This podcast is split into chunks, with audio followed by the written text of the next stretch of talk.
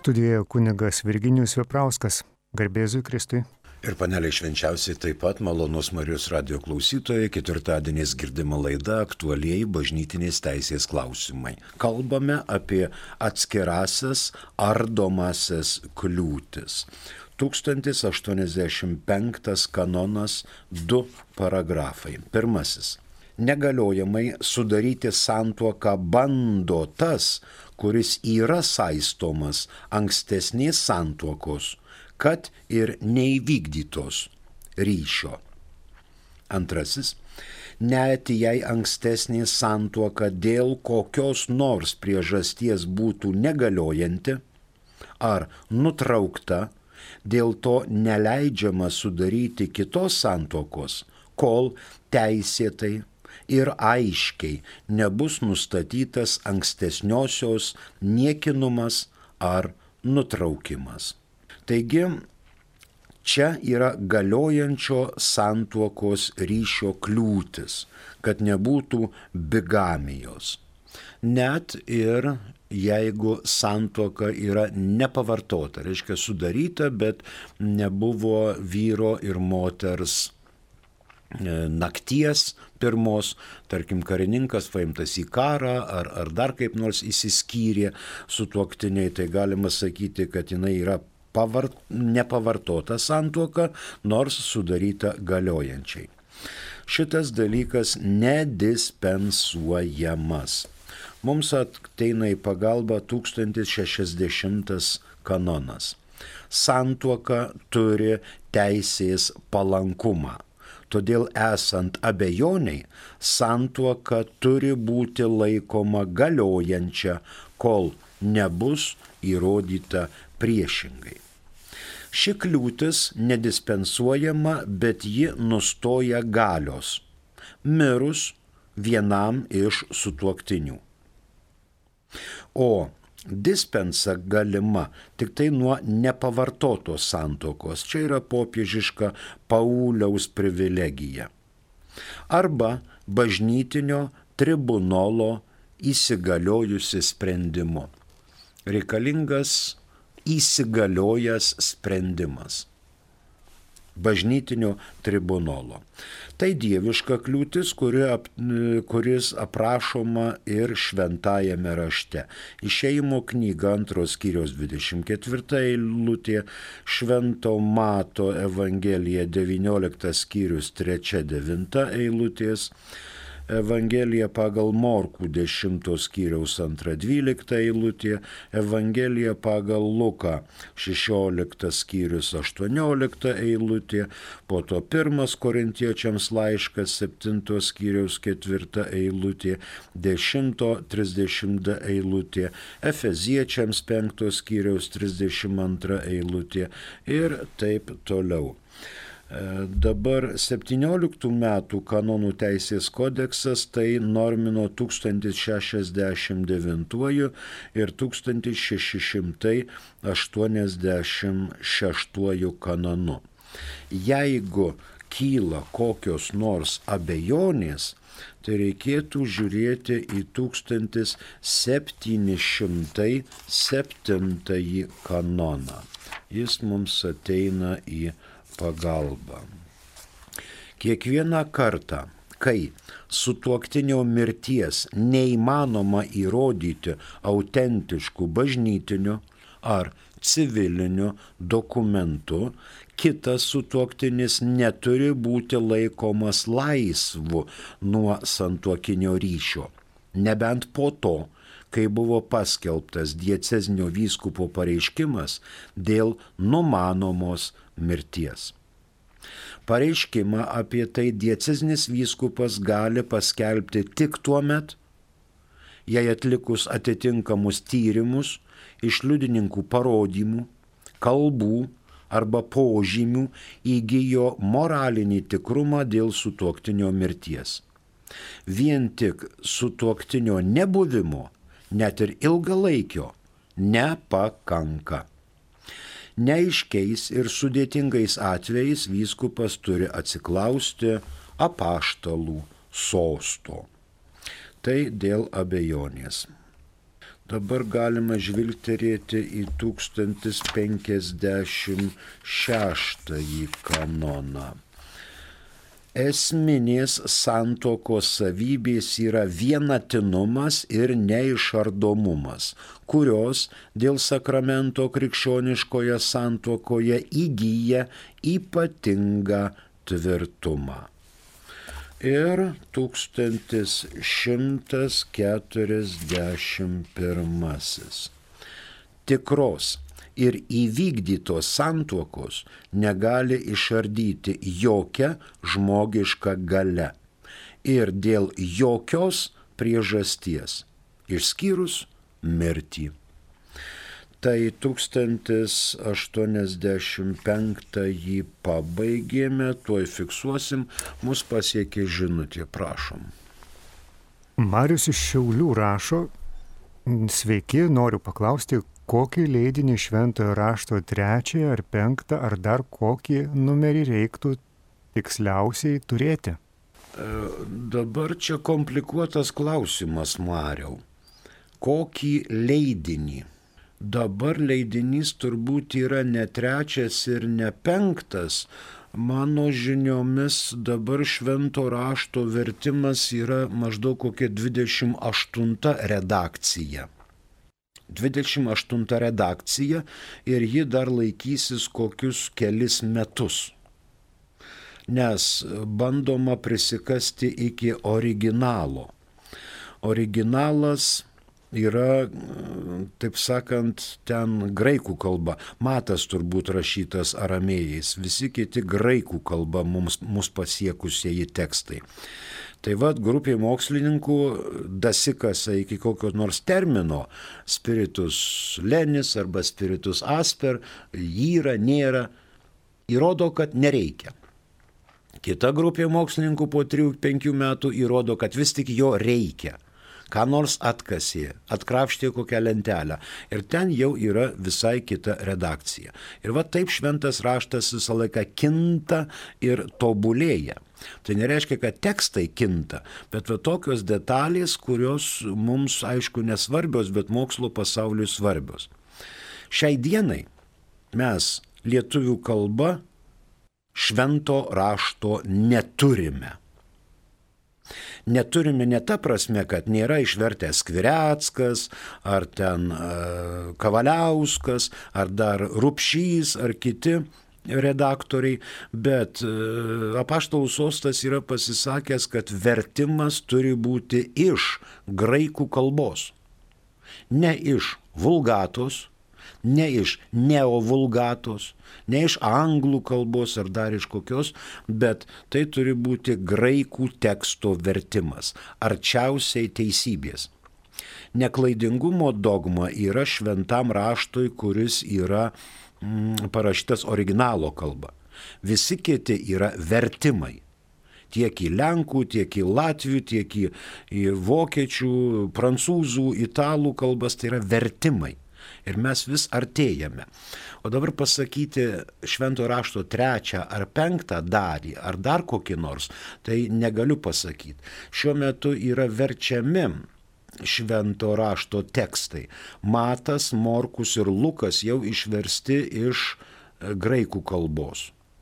Toliau eina Jonas Prisimenat, en arche in hologos, kai hologos en ton teon, kai teos in hologos. Šitas garsusis prologas. Aleksandrijos žydas Filonas jau rašė seniau apie tais laikais apie logos, o Jonas įkalė artikelį hologos su asmenino. Ir mes tą verčiam žodis. Pradžioje buvo žodis. Tas žodis buvo pas Dievą ir Dievas buvo žodis. Na ir taip toliau. Taip kad visi švento rašto šitie tekstai, vertimai yra tikrai geri, jeigu jie yra aprobuoti. Katalikui skaityti šventąjį raštą be komentarų yra draudžiama. Vien nuoga tekstą. Reikia dar ir komentarus, kad nesusipainėtumėme ir nepradėtumėm skleisti to, ko nėra šventam rašte.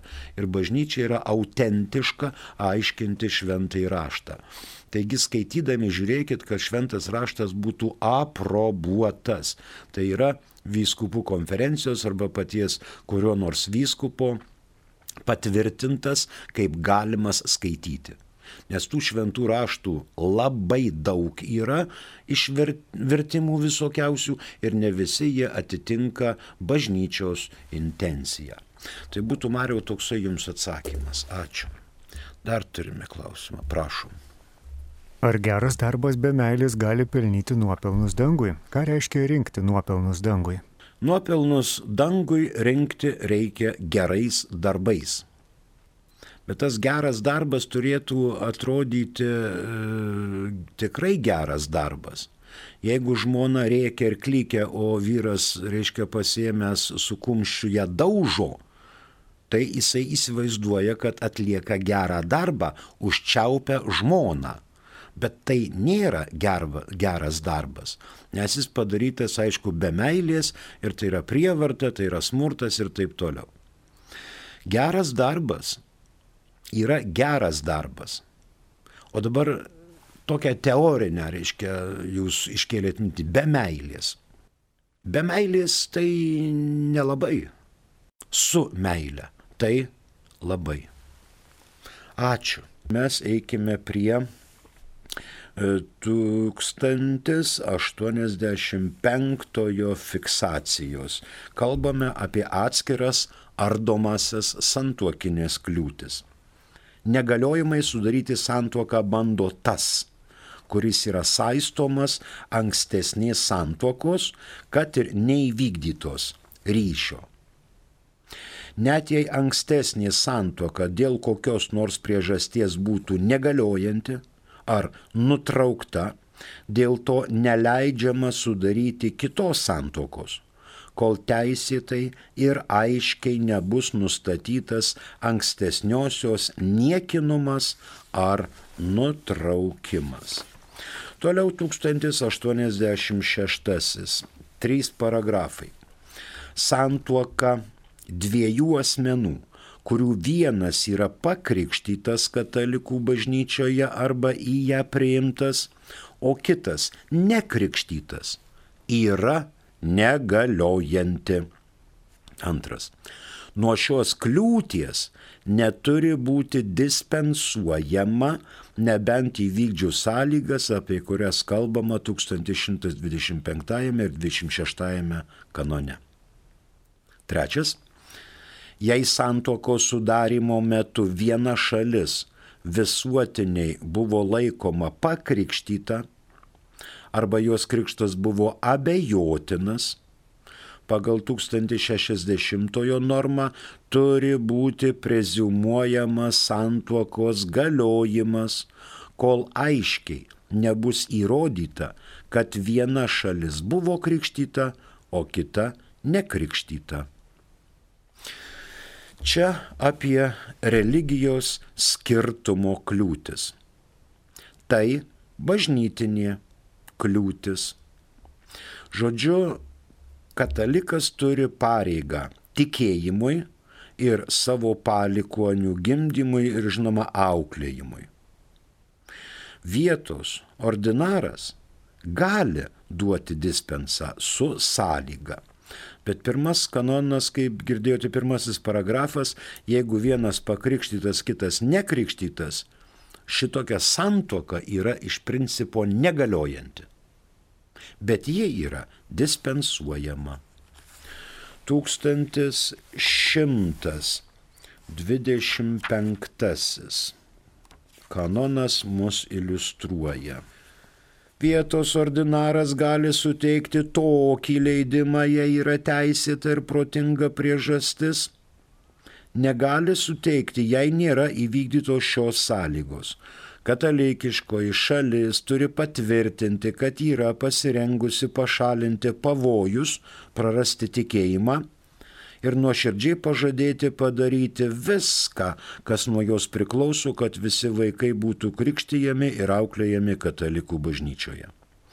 Apie tuos pažadus, kuriuos privalo duoti katalikiškoji šalis, laiku turi būti informuota antroji šalis taip, kad būtų aišku, jog jai iš tiesų žinoma apie katalikiškosios šalies pažadą ir įsipareigojimą. Abiem šalim turi būti išaiškinti santokos tikslai ir esminės savybės kurių negali atmesti ne vienas iš besituokiančiųjų. Taigi, jeigu katalikiška šalis nori e, santokas daryti su nekatalikiška šalimi, tai va turi būti šitie dalykai išaiškinti. Tarkim, katalikė išteka už musulmonų.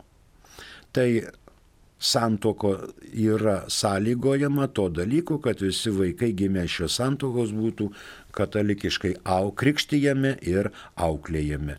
Ir kad musulmoniška šalis žinotų, kad yra vienas vyras, viena moteris. O ne taip, kad jisai tą katalikę merginą pasims savo į haremą, kur bus jau ten trečia, ketvirta, penkta, šešta žmona. Taip neišeina. Na ir kitas 1126. Vyskupų konferencijai priklauso tiek nustatyti būdą, kaip privalo būti padaryti tokie visuomet reikalaujami pareiškimai ir pažadai, tiek nurodyti, kaip jie būtų paliudijami išorinėje srityje ir kaip būtų informuojama nekatalikiškoji šalis. Tai 1086. Vietos ordinaras gali duoti dispensą, tačiau išpildomos šios sąlygoms. Vaikų turi būti krikštas užtikrintas ir auklėjimas toje santokoje katalikiškoje dvasioje ir kita šalis turi būti painformuota deramai ir be atmetimo galimybės nekatalikiška šalis šitų dalykų atmesti nepajėgi. 1060 čia tik skaitėme, dar galime žvilgterėti į 14 kanoną. Įstatymai taip pat ir niekinumą bei neveiksnumą nustatantys, esant teisės abejoniai, neįpareigoja fakto abejonės atveju ordinarai gali nuo jų dispensuoti, jei tik esant rezervuotai dispensai, ji paprastai suteikiama valdžios, kuriai yra rezervuota. Tai va apie dispensą vyskupo. 1917 metų kanonų teisės kodekse tą reglamentavo 1070-1071 kanonas. Dabar šita kliūtis yra vesta, įvesta kaip grėsmė asmeniui ir to asmens vaikams, nesvarbu ar žmona ir vyrui, dėl tikėjimo praradimo. Kad neprarastų tikėjimo apsivedžiau Vilniuje ir išvažiuoju į Iraką gyventi pas jį. Jis labai mielas, jis labai subtilus ir jautrus, o Irake katalikų bažnyčios kaip ir nėra. Na tai ką tada? Turi įrodyti kažką, kad taip yra. Dabar 800 mums iliustruojame 849 kanonas. Įsta, išganimui būtinas, tikras arba bent troškimo krikštas, sakramentų vartai. Neperskaitysime, nes mums paskambino, prašom. Gražina iš Klaipėdos. Klausom jūsų, Gražina. Garbė Jėzui Kristui. Per amžius sam. Labai asmeniškas tas toks klausimas. Mm. Ištekėjau 79 metais ir vyrą paėmė į sovietinę armiją. Taigi du metai jis buvo sovietiniai armijai. Auginu du vaikus, bet jis didelis komunistas. Va, ir neleido man apie jokius kalbos persižegnojimus ar bažnyčią ar dar ką nors buvo griežtai draudžiama. Sėdėjo, o aš verkiau, o jis sėdė ir, reiškia, žiūri, kad aš jau čia ne, nedarysiu kučių. Va, ir, ir tada, jau kai jau išėjau į esmę, aš nuėjau į bažnytinį teismą, panevežį. Prie katedros buvo bažnytinis teismas. Va, ir, ir manęs neišskyrė, aš norėjau susituokti antrą kartą niekas manęs neleido, nes turi būti kažkoks tai raštas, kad aš neturiu santokos. O santoka buvo tokia prie kunigo Antanavičiaus. Santoka tokia buvo, kad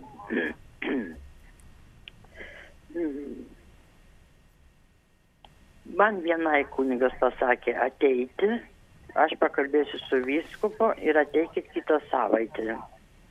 Taip ir buvo, aš nuėjau. Ta kitą savaitę jis sako, gerai, viskupas leidžia. O kadangi paskui mes nuėjome į kitą bažnyčią, netoli, čia pat arti. Va, ir, ir pasakėm, kad, nu, nepatikėjo, kad, nu, ne, ne, neištekėjusi. Reikia dokumentą padaryti, kad ištekėjusi o aš su vyru nebuvau kartu santokoj. Santokoje niekas nedalyvavo. Tai buvo komunistiniai laikai. Va, ir, ir, ir... E, pone Gražina, labai ačiū Jums už šitą mintį. Dabar Jūs manęs paklausykite. Mes radio bangomis negalime Jums išsamei paaiškinti ir man neaišku, kada jūs kreipėtės, kur kreipėtės, kiek pas Antanavičių ten monsinjorą, ar, ar kurie metai tai buvo. Santoka, kiek girdėjau, 79 metų. Bet dabar aš jūsų nuoširdžiai prašau. Jums liko širdyje nuoskauda nuo Antanavičiaus laikų. Dabar panevežyje yra kiek pasikeitusi E, teismo sudėtis.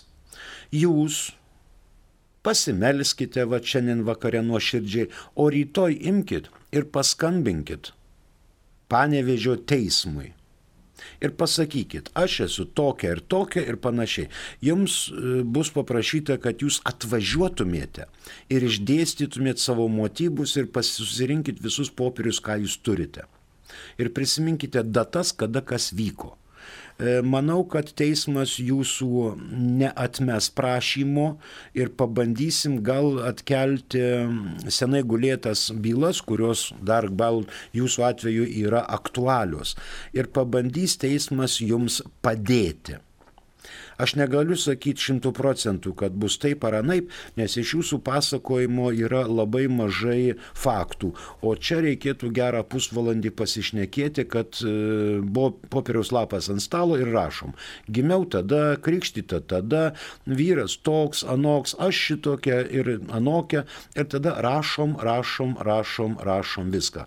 Po šito parašymo daug kas aiškėja ir tada galima prašyti prašymą gerbiamam Panevidžio tribunolui. Ten yra tikrai labai rimtų kunigų, kurie vyskupo sprendimu yra paskirti į tribunolą ir sakyčiau, jums padės. Bet pradžiai pasiskambinkit į tribunolą. E, ir ten, jeigu turit laiko, man atrodo, tribunolo telefonas 845 435 156 panevežys, kartoju, 845 435 156. Paskambinkit, sekretoriui pakels ir jūs papasakosit savo bėdas ir ji jums patars. Ačiū už skambutį. Dar mes turim turbūt žinutę, prašom. Labą dieną. Jei bažnyčios pastato teisės perleistos ne bažnyčios tikslams, ar šis pastatas toliau gali būti laikomas Dievo namais? O paro, pasakykit man pavyzdį. Jei bažnyčios pastato teisės perleistos ne bažnyčios tikslams. Jei nečiombė, nemoputų, tai Lumumba gyvas būtų, nuvažiuotų į Katangą, išdaužytų čiombiai langą. Dabar jei yra visa eilė pastatų, kurie buvo bažnyčios, bet vyskupo dekretu šis pastatas yra sekularizuotas ir nebėra bažnyčia. Tada, na kaip Amerikoje pavyzdžiui, tada pardavinėjama bažnyčios pastatas krikščioniškom bendruomenėm. Jeigu niekas nesusivilioja, tada kitom religinėm denominacijom, musulmonam ten ir, ir kitiem, judėjam, kas nori perkat jeigu ir tie nesusigundo, tada visai suprofanuojama, gali daryti restoraną, pirkit, mums jos tos bažnyčios nereikia, e, vyskupas priėmė sprendimą, kad nereikia. Dabar bažnyčios pastatas perleistas ne bažnyčios tikslam. Tam reikia teisinio dokumento. Kas perleido? Klebonas išėjo per pamokslą ir pasakė, kad jau čia ne bažnyčia. Ar yra dekretas? Jeigu yra vyskupo dekretas, tai toliau šis pastatas negali būti laikomas Dievo namais. Taip, buvo Dievo namai, bet dabar nėra Dievo namų. Tokius dalykus žinau turbūt asmeniškai du. Ten ties palendriais yra vienas apleistas bažnyčios pastatas, kuris neturi nei parapijos, nei turbūt Dievo namų statuso. Ir kitas dalykas, kokiais prieš karą, prieš antrą pasaulinį karą yra panaikinta iš e, buvusio karinio sandėlio buvo padaryta laikina bažnyčia šančiuose, o paskui, kai pastatyta nauja bažnyčia, tai šančių senas pastatas buvo pas, panaikintas kaip kulto pastatas. Tai tai yra tikrai. O toliau reikia žiūrėti, reikia, toliau reikia žiūrėti. Bet jeigu jau vyskupas dekretu panaikino bažnytinį statusą, tai toliau negali būti laikomas pastatas Dievo namais. Gali ten būti bokštai su kryžiais, išvaizda, kuo nuostabiausia bažnytinė, bet vyskupo dekretu tai jau yra panaikinta. Ir nebe Dievo namai. Ačiū. Dabar iliustracija. Toliau, kaip sakėm, 849. Išganimui būtinas tikras arba bent troškimo krikštas, sakramentų vartai, galiojamai, suteikiamas tik nuplaunant tikrų vandeniu ir atitinkama žodinė formulė. Juo žmonės išlaisvinami iš nuodėmių, atgimdomi kaip dievų vaikais ir supanašėję su Kristumi neišdildoma žymė įjungiami į bažnyčią. Čia yra 849 dėl krikšto. Dar gali būti 845 į žymę įspaudžiančių krikšto sutvirtinimo ir šventimų sakramentų negalima kartoti. Jei atlikus rūpestingą tyrimą vis dar liktų protinga abejonė, ar nebuvo iš tikrųjų ar galiojamai suteikti sakramentai, apie kuriuos kalbama, jie turi būti teikiami su sąlyga. Toliau 869. Jei abejojama, ar kas nors buvo pakrikštytas, ar galiojamai buvo suteiktas krikštas, ir abejonė išlieka po rimto tyrimo, krikštas jam turi būti suteiktas su sąlyga. Pakrikštytieji nekatalikiškoje bažnytinėje bendruomenėje nėra krikštyjami su sąlyga, nebent ištyrus medžiagą ir žodinę formulę naudotas teikiant krikštą, taip pat atsižvelgiant į pakrikštyto suaugusio žmogaus ir krikšto teikėjo intenciją, liktų rimta priežastis abejoti krikšto galiojimu. Jei atveriais čia išgirstaisiais liktų abejonė dėl krikšto suteikimo ar galiojimo, krikštas neturi būti teikiamas, nebent po to, kai krikštinamajam, jei jis yra suaugęs, išdėstoma krikšto sakramento doktrina, ir jam arba jai kalbame apie kūdikį, jo tėvams buvo išaiškinta, dėl ko abejojama - suteikto krikšto galiojimu. dėl Krikšto sakramento. Toliau kalbame apie 1086 ir iliustruojame. Dar dėl schizmos grėsmės. 1364.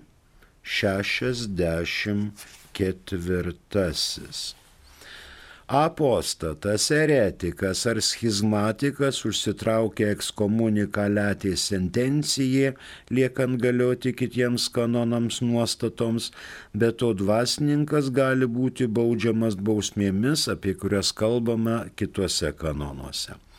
Jei reikalauja ilgalaikis nepaklusnumas ar papiktinimo sunkumas, gali būti pridėtos ir kitos bausmės, taip pat ir pašalinimas iš dvasininkų luomo. Čia apie bausmes, jei nesilaikoma. Ir 751 kanonas. 7, 5, 1. Erezija vadinamas atkaklus neįgymas po krikšto prieimimo kokios nors tiesos, kurią privalu tikėti dieviškojų ir katalikiškojų tikėjimu. Ar atkaklus abejojimas? Ja. Apostazija - visiškas krikščioniškojo tikėjimo atmetimas, schizma - pavaldumo popiežiui arba bendrystės su jam pavaldžiais bažnyčios nariais atsisakymas.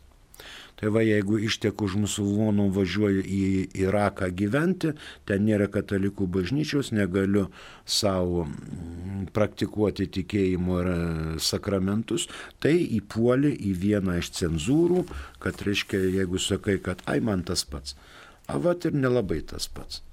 Po to prasideda visi šitie dalykai.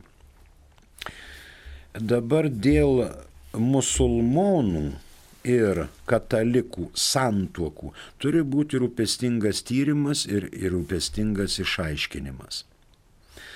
Katechumenai dar nepakrikštyti, bet jau nori siekti krikšto.